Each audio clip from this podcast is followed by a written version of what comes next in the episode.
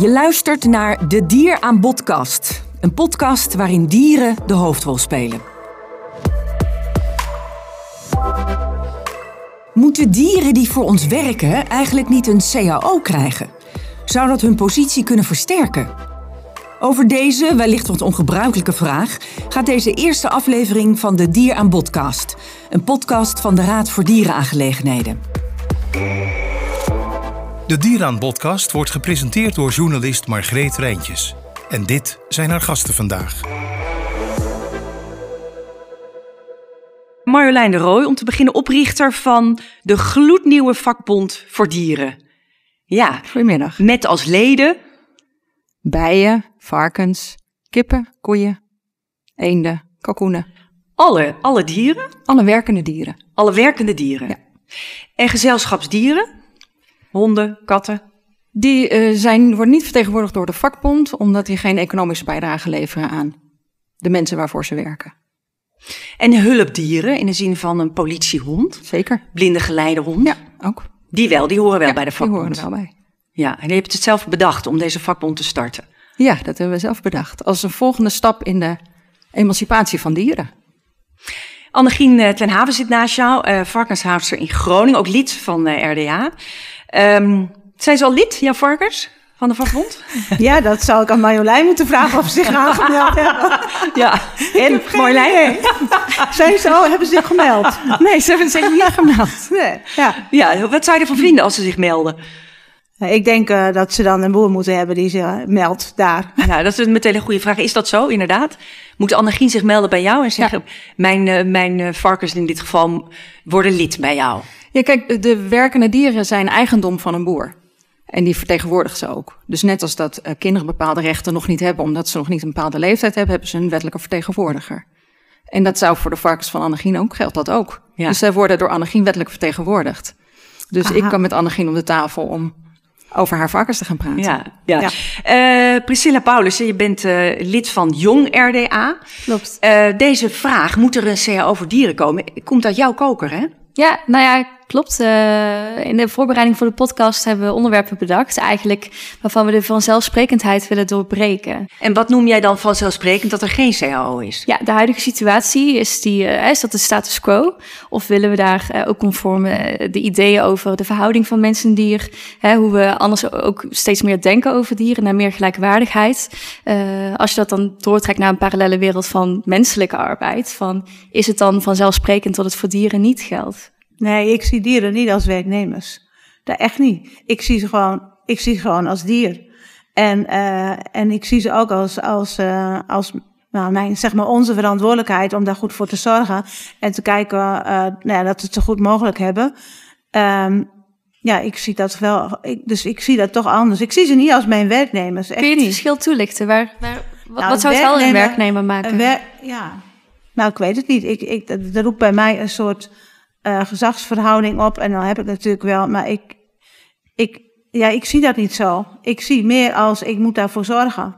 En tussen een moeder en een kind, eh, ja, is wel een soort gradatie, maar daar zie je ook niet eh, dat de moeder de werkgever Zijn het een beetje je kinderen, de varkens? Nou ja, dat je moeder de werkgever is en jij de, de kinderen de werknemer. Dus ik, ik zie dat niet zo. Nee. Eh, Marcelle Buitendam ehm, van de FNV. Ik bedoel, Ja. we hebben het over CAO's. Dat is een, eh, ja, een werkterrein waar jij dagelijks mee bezig bent. Ja, dat is mijn grote hobby. Dat is jouw grote hobby. Ja. CAO's afsluiten. Ja, zeker. Ja. Is dat echt zo? Ja, ja. Wat is er zo leuk aan? Nou, dat, eh, de dynamiek die er elke dag nog steeds plaatsvindt, vind ik prachtig. Het, het mooier maken eh, van eh, arbeidsomstandigheden en arbeidsvoorwaarden van Nederland. Ja, dat is waar je mij echt voor wakker kunt maken. Dus ik vind het heel goed dat we ook dit gesprek nu met elkaar aangaan. Van, goh, wat is nou eigenlijk werkgeverschap? En, en wat voor werknemers daar, vallen daaronder? En zijn werkende dieren ook misschien onderdeel van, eh, van het hele landschap van arbeidsvoorwaarden? Waarvoor we dat zouden moeten regelen. Want als we inzoomen op een eh, CAO, wat staat daar normaal gesproken in, Marcelle? Nou, in ieder geval de harde kanten en de, en de zachte kanten. Hè. De harde kanten moet je denken bijvoorbeeld aan de arbeidsvoorwaarden zoals geld, verlof, salaris, pensioen en eh, veilig werken. En de zachte kanten, maar geheel, zacht maar niet eh, geheel onbelangrijk, is natuurlijk de schone stallen, gezonde voeding, fijnstof, eh, scholing en ontwikkeling en dergelijke. Ja. Dan kijk ik even naar uh, Marjolein. Want uh, jij wil graag dat er een CAO komt als vakbond, hè? Ja, um, wij streven naar arbeidsrechten voor werkende dieren. Ja. En de CAO kan daar onderdeel van zijn. Want dat is de gedachte erachter. Eigenlijk zijn het, uh, de, die dieren zijn eigenlijk vergelijkbaar met gewone werknemers, dus die hebben recht op een CAO. Ja. En die hebben dus bijvoorbeeld, en ik ben blij dat Marcelle dat gelijk zei, recht op een veilige een werk- en leefomgeving. En er zijn natuurlijk uh, heel veel voorbeelden van de laatste jaren waaruit blijkt dat dat lang niet altijd goed geregeld is. En uh, dat dat niet goed geregeld wordt, heeft altijd een economische kant. Dus het is te kostbaar om alle stallen uh, brandveilig te maken. Met als gevolg dat we dus met elkaar de risico lopen dat er iedere week weer stallen afbranden waar dieren levend omkomen. En dat, dat is bijvoorbeeld iets wat je in een CAO zou moeten regelen. Dat ieder werkend dier in Nederland een veilige uh, leef- en werkomgeving heeft. Heb jij dat laten onderzoeken, Annegien, hoe het zit met de brandveiligheid? Jazeker. Elke boer die een stal gaat bouwen, die moet ook uh, aan de brandweer vragen naar brandveiligheid. Dus het is echt niet zo dat er niks geregeld is. Uh, staat niet in de wet. Maar uh, er wordt bij voortduring nu ook uh, gesproken over wat kun je aan brandpreventie doen. Dat, dat is het ministerie van LNV, die ook met boeren praat, ook met boerenorganisaties praat van wat gaan jullie doen, wat is jullie actieplan. Uh, dus, de, de, dus er wordt voortdurend door allerlei partijen, of dan worden we wel aangesproken door partijen als de dierenbescherming of andere, of gewoon uh, als er ergens in de buurt geweest is een brand door bezorgde burgers. Dus wij worden echt elke dag aangesproken als wij iets, als wij iets niet doen, of als we het wel doen, of achterna gezeten van ja, en zeg maar druk opgezet van ja, er moet wat gebeuren. Ja. En we zijn ons er echt wel van bewust. Ja, kijk, en wat er eigenlijk nu net uh, besproken wordt, dat is een gemeenschappelijke deler. Dat wat jullie samen binden. Jullie denken misschien van nou, we staan nog even. Hè. De luisteraar kan het natuurlijk niet zien, maar jullie zitten gelukkig naast elkaar, niet tegenover elkaar. Wat dat betreft hebben jullie precies de goede onderhandelingspositie om hierover te spreken. Dat de echte nog... onderhandelaars. Ja, jullie zijn heel goed bezig met z'n tweeën. Um, want jullie hebben namelijk een gemeenschappelijke deler. Want jullie hebben allebei belang dat de stallen veiliger worden. Een boer wil ook niet dat, uh, dat zijn stal afbrandt. Hè? Dus, dus dit is juist zo belangrijk bij het onderhandelen. Dus jullie gaan kijken naar de gemeenschappelijke delen. Hoe kunnen we hier nou samen in optrekken? Ik denk in relatie tot de CAO ook dat het ook heel interessant is om te kijken van goh, wat vinden we van de intensiteit, de frequentie van het werk? Uh, zitten daar nog bepaalde uh, eindjes zoals bijvoorbeeld verlof of ziekte, uh, mm-hmm. waarvan we hier in ieder geval aan tafel kunnen bedenken van hé, hey, wat zouden we daarin wenselijk vinden?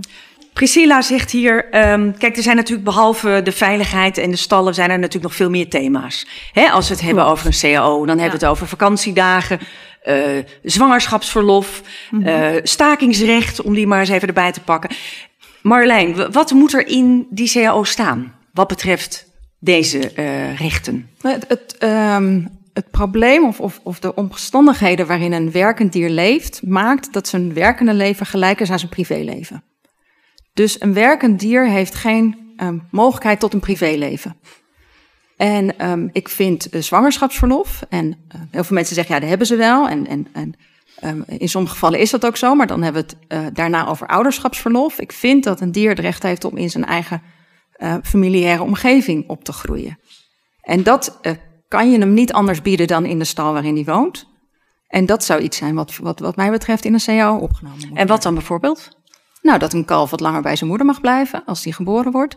Dat de biggetjes wat later bij hun moeder weggaan als, uh, als ze gespeend worden. En dat, um, dat er ook voldoende ruimte is voor herstel na de bevalling, voordat ze weer uh, direct geïnsemineerd worden om weer de volgende lichting te gaan produceren. En wat zou dat voor consequenties hebben, denk je, voor boeren? Enorme. Dat heeft enorme consequenties. Um, en, dat, en ik denk dat het belangrijk is dat we voordat we over die consequenties gaan praten, het te gaan over hebben wat wij vinden dat dieren voor rechten hebben. Want ik vergelijk het met uh, kinderrechten. Ik vergelijk het met het feit dat we op een gegeven moment uh, hebben afgeschaft dat kinderen mogen werken. En dat is natuurlijk iets wat we um, met elkaar als maatschappij hebben besloten. En waarvan je dus ook kan zeggen, nou, bepaalde rechten hebben dieren en die hebben dus ook gevolgen. En die hebben gevolgen voor de kostprijs, die hebben gevolgen voor de manier waarop we met ze omgaan. Um, maar op het moment dat het minimumloon omhoog gaat, heeft dat ook gevolgen voor de diensten en, en, en producten die we in de winkel kopen. Dus daarom vind ik het zo belangrijk dat je eerst die discussie houdt over: is dit een richting waar we als samenleving naartoe willen? En wat dan de gevolgen zijn, dat is, dat is stap 2. Ja, dus eerst is de stap, vinden wij dat dieren meer rechten zouden moeten hebben in onze maatschappij? Ja. Dat is stap 1. Ja.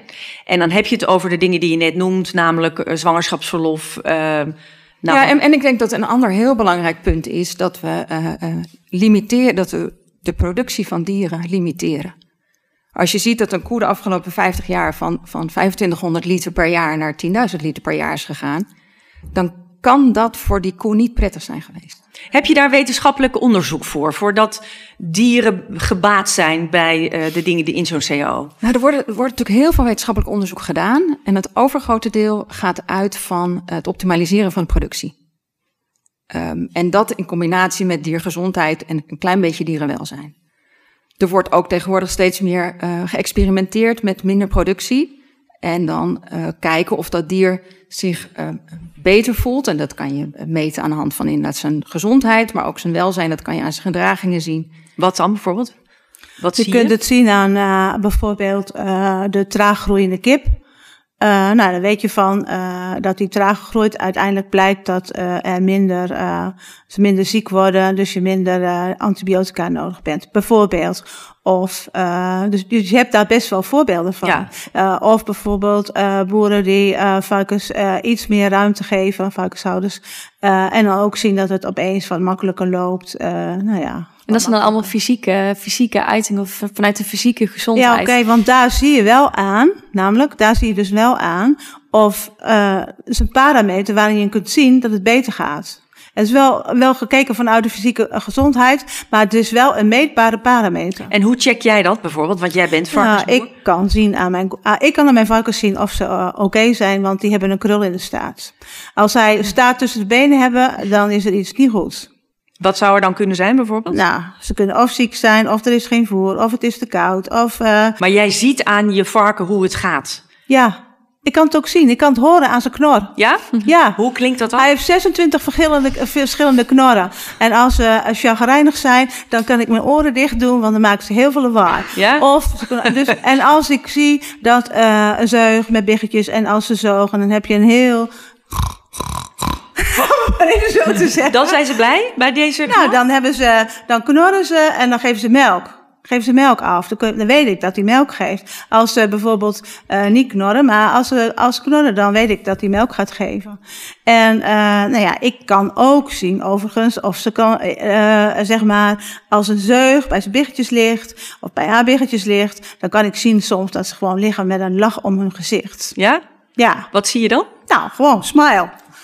ja, dat kan ik zien. En ik denk ook dat het belangrijk is dat als boeren stallen bouwen, dat ze ook kijken naar de behoeften van het dier. Wat heeft het dier nodig? En dan kijken van ja, maar ik heb ook nog dit en dat. Ik heb gezegd van nou ja, uh, ga nou eerst maar eens uit van de behoeften van het dier. En dan de mitten en de maren komen vanzelf ja. wel. En waar zou je ruimte zien? Nou, ik zie wel op heel veel plekken ruimte, uh, maar ik zie gewoon uh, uh, geen ruimte. En dan komen we toch daarop op het economische deel. Weet je, uh, ik Want? leg altijd uit. Ik heb nu geïnvesteerd in mijn stallen. Ik heb daar echt veel geld aan besteed. Ik kan gewoon morgen, morgen, als ik denk van dat is veel mooier, dat wil ik ook. Dat kan ik niet doen.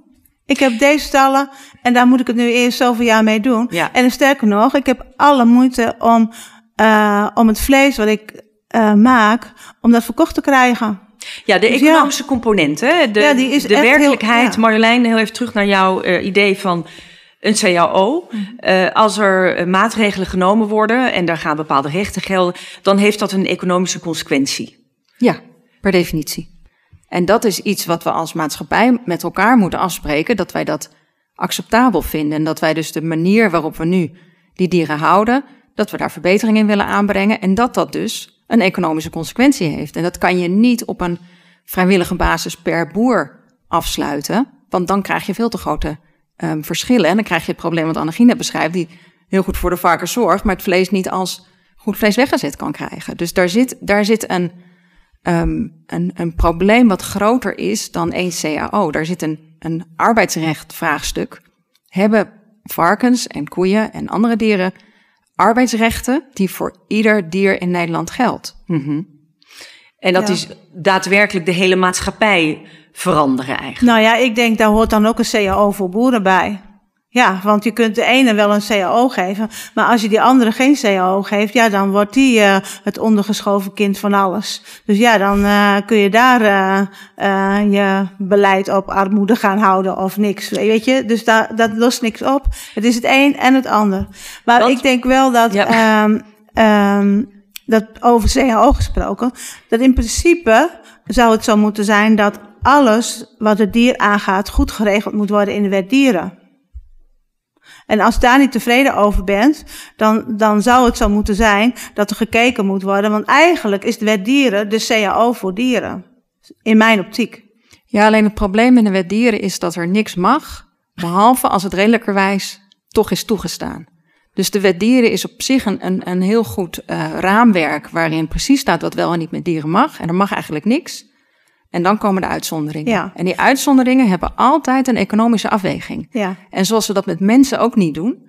Dus we zeggen, economisch gezien is het misschien veel beter om ze 12 uur per dag voor 5 euro per uur te laten werken. En we hebben met elkaar afgesproken, dat doen we niet. En voor dieren geldt nog steeds dat ze niet um, uh, belemmerd worden in hun productiecapaciteit uh, en in hun omgeving, omdat daar een economische afweging wordt gemaakt. En ik vind dat we uh, hoe meer we leren over dieren en hoe meer we ook ontdekken wat ze kunnen, wat ze voelen, dat het individuen zijn die hun eigen keuzes kunnen maken, dat we ze ook op die manier uh, moeten gaan behandelen. En dat we dus een rechtvaardige rechtsvorm moeten vinden, zodat we ze niet meer kunnen behandelen als een machine of een uh, fabriek. Maar als je rechtvaardig bent voor de dieren, moet je ook rechtvaardig voor de boeren zijn. Ik kan nog van alles doen, maar als er geen geld is, kan ik niks. Ik heb de, in elk geval de markt voor het vlees nog niet zo goed ontwikkeld. Nee. En het ligt niet alleen aan de supermarkten, dat ligt ook aan consumenten. Als ze thuis zijn en je vraagt ze op straat van, vind je het belangrijk dat je goed voor dieren zorgt, zullen ze dan zeggen van ja. Maar als ze in de winkel zijn, dan staan ze daar ook niet bij stil. En het is niet alleen prijs, maar het gaat ook gewoon over gewoontes, uh, daar niet, dan niet mee bezig zijn. Dat is dus ingewikkeld. Uh, ik heb zoiets van, ja, als we moeten veranderen, moeten we dat wel met elkaar doen. En we, alleen is het gewoon heel moeilijk.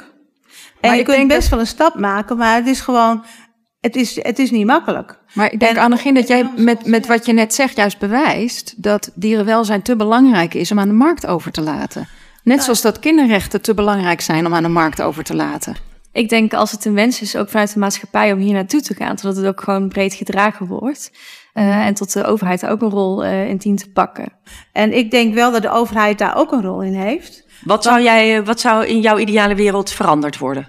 Uh, in mijn ideale wereld is het zo dat de overheid met de retailers en foodservice gaat praten en gaat zeggen van nou in Nederland vinden wij het belangrijk dat wij voldoen aan de behoeften van de dieren. En dat betekent dat ons vlees uh, zoveel cent duurder wordt. En uh, dat gaan wij nu met elkaar afspreken dat wij dat in Nederland gaan doen. Punt. Ja. En dan de import vanuit het buitenland? Ja, dan kopen we Nederlands vlees. Punt. En dan mag je in de supermarkt verder geen buitenlands vlees meer. Nou ja, weet je, er is iets of die voldoen aan dezelfde voorwaarden. Ik kijk even naar uh, Marcelle van de FNV. Jij bent uh, normaal gesproken bij dit soort uh, ja. gesprekken aanwezig. Uh, is dit een situatie waarin je denkt, ja, um, het is helder, er is toch een soort impasse, want de een zegt, we moeten dit doen. En de ander zegt, ja, maar ja, het is onbetaalbaar. Hè, dat is natuurlijk heel vaak zo in onderhandelingen ja. bij cao's. Ja. Hoe kom je dan verder? Ik zou uh, de, dames uh, met elkaar op pad uh, sturen voor een mooie wandeling. ja. En dan vooral eens even niet praten over het werk en het thema waar het om gaat. Ja, jullie lachen erom, maar jullie willen echt niet weten hoe goed dat werkt. en dat je eerst gaat zitten op de relatie. Want onderhandelen betekent ook gewoon vertrouwen opbouwen. Je wil niet rollend met elkaar meteen uh, met het mes op tafel. Uh, dat gebeurt eigenlijk nergens. Dat ziet er misschien zo uit. Dat ziet er ook zo uit in de politiek. Alsof ze allemaal ruzie met elkaar hebben. Maar geloof me, er is geen uh, lekkerder warm bad dan, dan het bad van charmeren en, en netwerken. En dus investeer in de waarde en, en het moraal. Want dan ben je geneigd om iets meer richting elkaar te gaan. Precies. En zodra je dan met elkaar in gesprek gaat, zeg ik altijd van ja, uh, slapen doen we s'nachts. Blijf gewoon lekker scherp. Geen drank tijdens het uh, onderhandelen. Dus die wandeling wordt gewoon met de doppler met, met water voor allebei. En dan wens ik jullie een heel mooi traject. Mocht je er niet uitkomen, dan hoor ik jullie natuurlijk heel graag. Nou, dat is in elk geval heel goed. Jullie moeten straks ik denk even gaan dat niet wandelen. iedereen, dat de, dat de partijen aan tafel, dat er niet genoeg partijen aan tafel zijn. Want wij met z'n tweeën zou het misschien nog wel eens worden, maar uh, we, we, hebben meer partijen aan tafel nodig. Want het is een, een, een, een complexe uh, vraagstuk. Dus dat betekent dat. Uh, uh, dat wij tweeën niet genoeg zijn. Nee, jij wil toezegging ook van supermarkten en ook van, bij wijze spreken, vertegenwoordigers van consumenten, ja, dat ja. dat met iedereen gedragen wordt. Ja. Als we dan uitgaan van een maatschappelijke verandering, waarin dieren rechten krijgen, wat, waar dus uiteindelijk uh, hè, een prijskaartje aan hangt, dan moeten we die ook met z'n allen dragen, die extra kosten. Ja, en dan, dus horen andere partijen ook aan tafel, want met z'n tweeën uh, kunnen wij het niet oplossen. Um, hoe kijk je naar andere vormen van, uh, van, van, van dieren die voor ons, zeg maar, uh, nou, in ieder geval werken of ons ondersteunen? Um, nog even los van de veehouderij, zie je nog ergens uh, een branche waarvan je denkt, hé, hey, daar zou misschien wel net dat stukje werknemerschap aanwezig zijn in plaats van dier zijn? Ja, nou ja, ik kan me dat wel voorstellen met een hulphond of een politiehond. Of ja, die moeten gewoon echt op commando dingen gaan doen. Dus daar ben jij echt wel gezagsdrager. Mm-hmm. Want jij gaat tegen zijn hond zeggen, of die hond moet dan snuffelen en doen. Dus dat is echt wel, ja, hij is daar zeer beperkt in zijn vrijheid. Want hij, hij heeft een opdracht en hij doet dat. En misschien doet hij het soms wel ook wel met plezier, dat weet ik niet. Dat ben ik niet. Maar ik denk wel dat dat een andere relatie is. Want ik, ik ben niet de hele dag met mijn dieren dat ze dingen moeten doen. Dus, uh, en, en in de voorbeelden die jij noemt, is dat wel zo. Maar. Maar jouw dieren ja, ook ik, geen vrije keuze. Dus ze hebben geen vrije keuze. Nou, waarom niet? Dus ze mogen, ze kunnen naar binnen, ze kunnen naar buiten, ze kunnen stro liggen, ze kunnen ergens anders liggen. Ze kunnen ja, maar jij, be jij bepaalt wanneer de biggetjes weggaan, jij bepaalt wanneer de zeug geïnsemineerd wordt. Dat jij, klopt. jij nou, ze zijn wel beren, anders dan gaat het niet worden. Nee, dat oh, voor de grap. Maar ze hebben natuurlijk, ze hebben natuurlijk, ze hebben niet ze kunnen niet hun eigen keuzes maken. Nou, weet je, als die oké okay zijn, dan uh, soms denk je van, uh, nou, uh, ik laat jou even een paar weken wachten. dus ja, soms dan, dan geeft ze wel aan dat de keuze er niet is. Dat maar dat, maar ik denk dat wachten. we, en dan kijk even naar Marcella, maar daar vinden we elkaar dus. Dat je, ja. En daar, daar zit het verschil tussen de, de enorme intensiviteit van de veehouderij, zoals die op heel veel plekken op dit moment plaatsvindt. En jij die zegt, ik zie gewoon aan mijn zeug af en toe of je wel of niet iets wil. En, en ik denk dat dat um, ja, een eerste is, start is. Is de meneer de meeste wel hoor. Het is niet echt dat ik elke week uh, iemand. Dacht ik nou net dat we elkaar gevonden ja, hadden. nee, maar, nee, zo is het ook weer niet. Maar ik, ik zit nog wel, ben er wel een beetje getriggerd. Ook zeg maar uh, door die, uh, nou ja, zeg maar door paardentherapie en ja, ik denk wel dat je daar als, als uh, degene die dan therapie geeft, dat je wel goed moet kijken of het niet te veel wordt voor het paard. Want ja, weet je, dat, dat denk ik wel, dat dat wel belangrijk is. En daar is natuurlijk ook, ja, ik denk dat diegene die dan die therapie geeft, wel zoveel feeling moet hebben dat het goed blijft gaan. Want ik denk anders dat het paard niet meer doet in de therapie wat hij moet doen. Of moet er een CAO komen, Annegien? Wat zeg je? Of moet er een, een, een CAO komen voor, voor ja. dit soort situaties? Nou ja, ik heb geen idee. Maar ik kan me, ik kan me voorstellen dat je misschien zegt dat je dan. Uh, uh, ja, dat je dan ook gewoon een kwartier pauze moet hebben. Maar ja, ik denk dat. Nee, maar die... staat dat in een CAO of gewoon in de wet? Nou ja, weet je, als dat in de wet moet, als je het in de wet zet, moet er ook een uh, controleur achter. En die moet dan bij de therapie, moet je zeggen van nou, uh, kan ik je logboek even zien of je genoeg pauzes hebt genomen.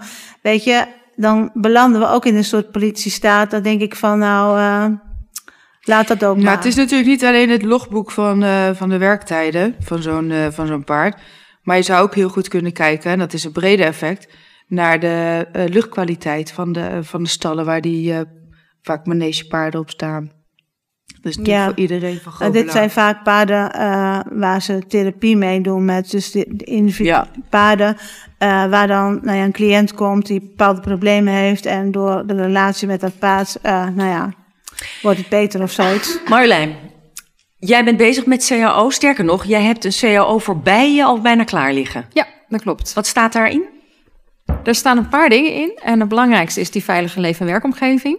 Dus op het moment dat er ergens bij je kasten, bij je volken worden geplaatst, moet de omgeving worden gecontroleerd op het gebruik van uh, uh, giftige bestrijdingsmiddelen. En een ander element wat erin staat, dat er niet meer honing uit uh, de bijenkast gehaald mag worden uh, dan de bijen zelf nodig hebben. Dus er moet altijd honing achterblijven.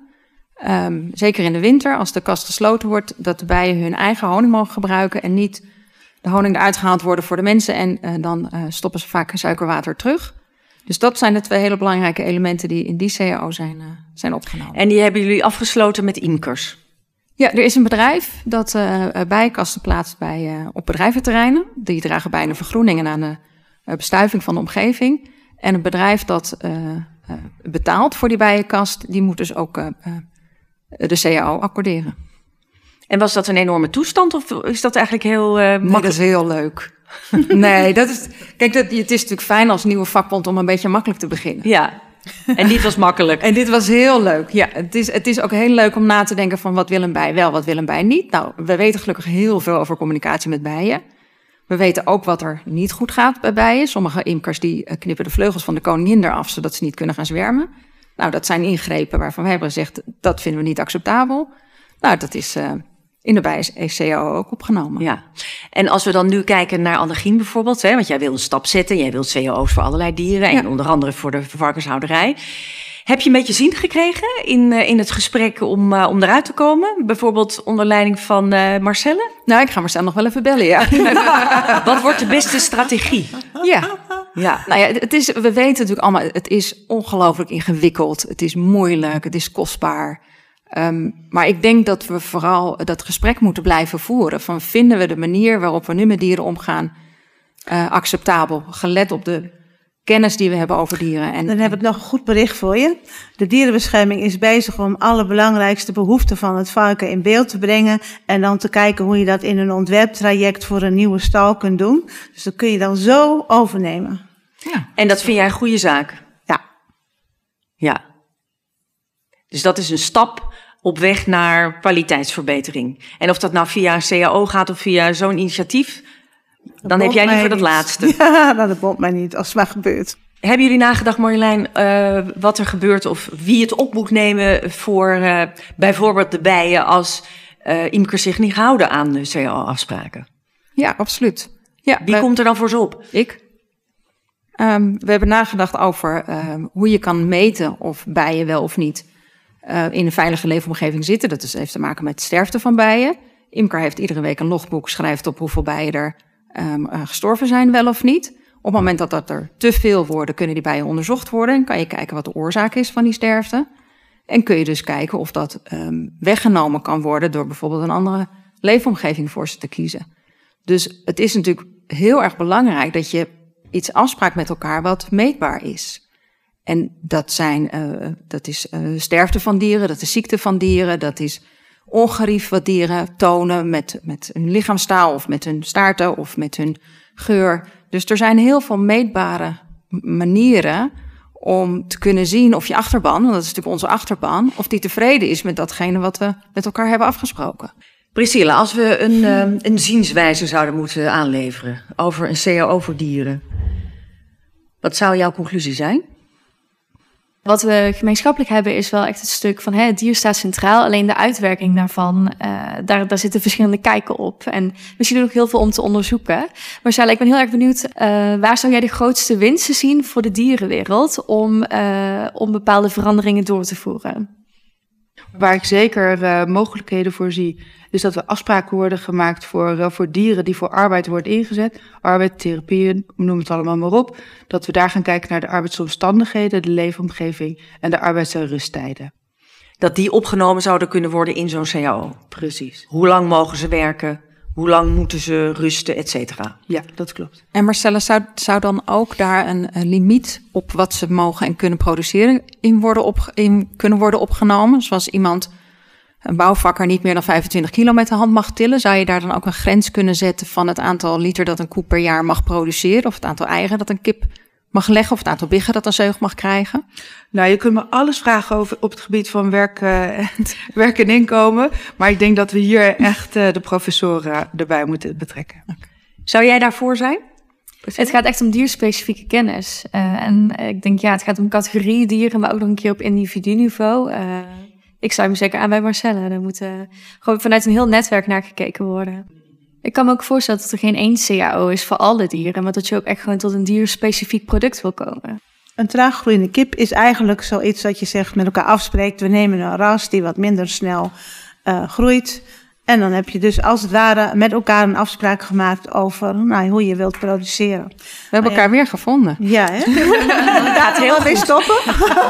Als we, als we de balans opmaken, eh, wat denk jij Priscilla? Komt er een CAO voor dieren? Ja, ik weet het niet. Uh, het, helpt in ieder geval dat de wet dieren tot daar nu uh, een wijziging voor komt die ook al in deze richting gaat. Zeker als je het hebt over brandveiligheid. Um, ik weet niet of die op, ja, ik, weet niet of een CAO op, korte termijn komt. Ik hoop het uiteraard wel. Ik vind de, de CAO prachtige terminologie. Maar we gaan voor, voor zekerheid hè, en ook betrouwbaar. Dus dit stukje als als juridische entiteit voor CAO, dat weet ik niet of je dat in die vorm ook zou kunnen. Uh, maar in ieder geval uh, dat er wel samen een uh, convenant neergelegd kan worden, dat lijkt me duidelijk. Daar ben ik het mee eens, overigens. en ik, ik, denk dat het heel goed kan. Convenanten kunnen heel goed. En ik denk dat je ook goed nog aanpassingen in de wet dieren kunt doen. Dus de discussie op zich is best wel relevant. ook al ben je het niet eens, is het toch wel een goede discussie. Dus in dat rand denk ik van, nou, er is niks mis mee. Maar uh, nou ja, als je kijkt naar de juridische componenten, denk ik niet dat hij er komt. Maar ik denk wel uh, dat je goed convenanten kunt maken tussen verschillende partijen. Uh, en dat die ook heel werkzaam zijn. Nou Marjolein, ik weet het niet of die er komt.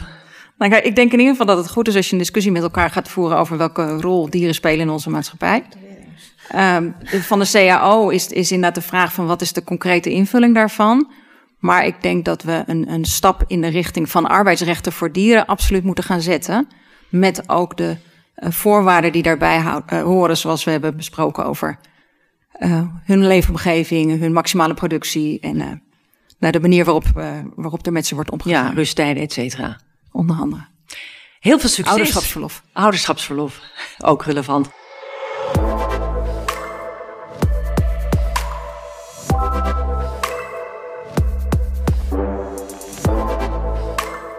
Dank Marjolein de Rooij van de vakbond voor dieren. Uh, varkenshouder Anne Gien Haven, Marcelle Buitendam van de FNV en Priscilla Paulussen van Jong RDA. De volgende aflevering van deze podcast gaat over natuurlijk gedrag van dieren. Want wanneer spreek je daar eigenlijk van? Heel graag tot een volgende keer. Tot zover deze aflevering van de Dier aan Podcast. Mocht je willen reageren of zelf een onderwerp willen aandragen, Mail dan naar info.rda.nl. Heel graag tot een volgende keer.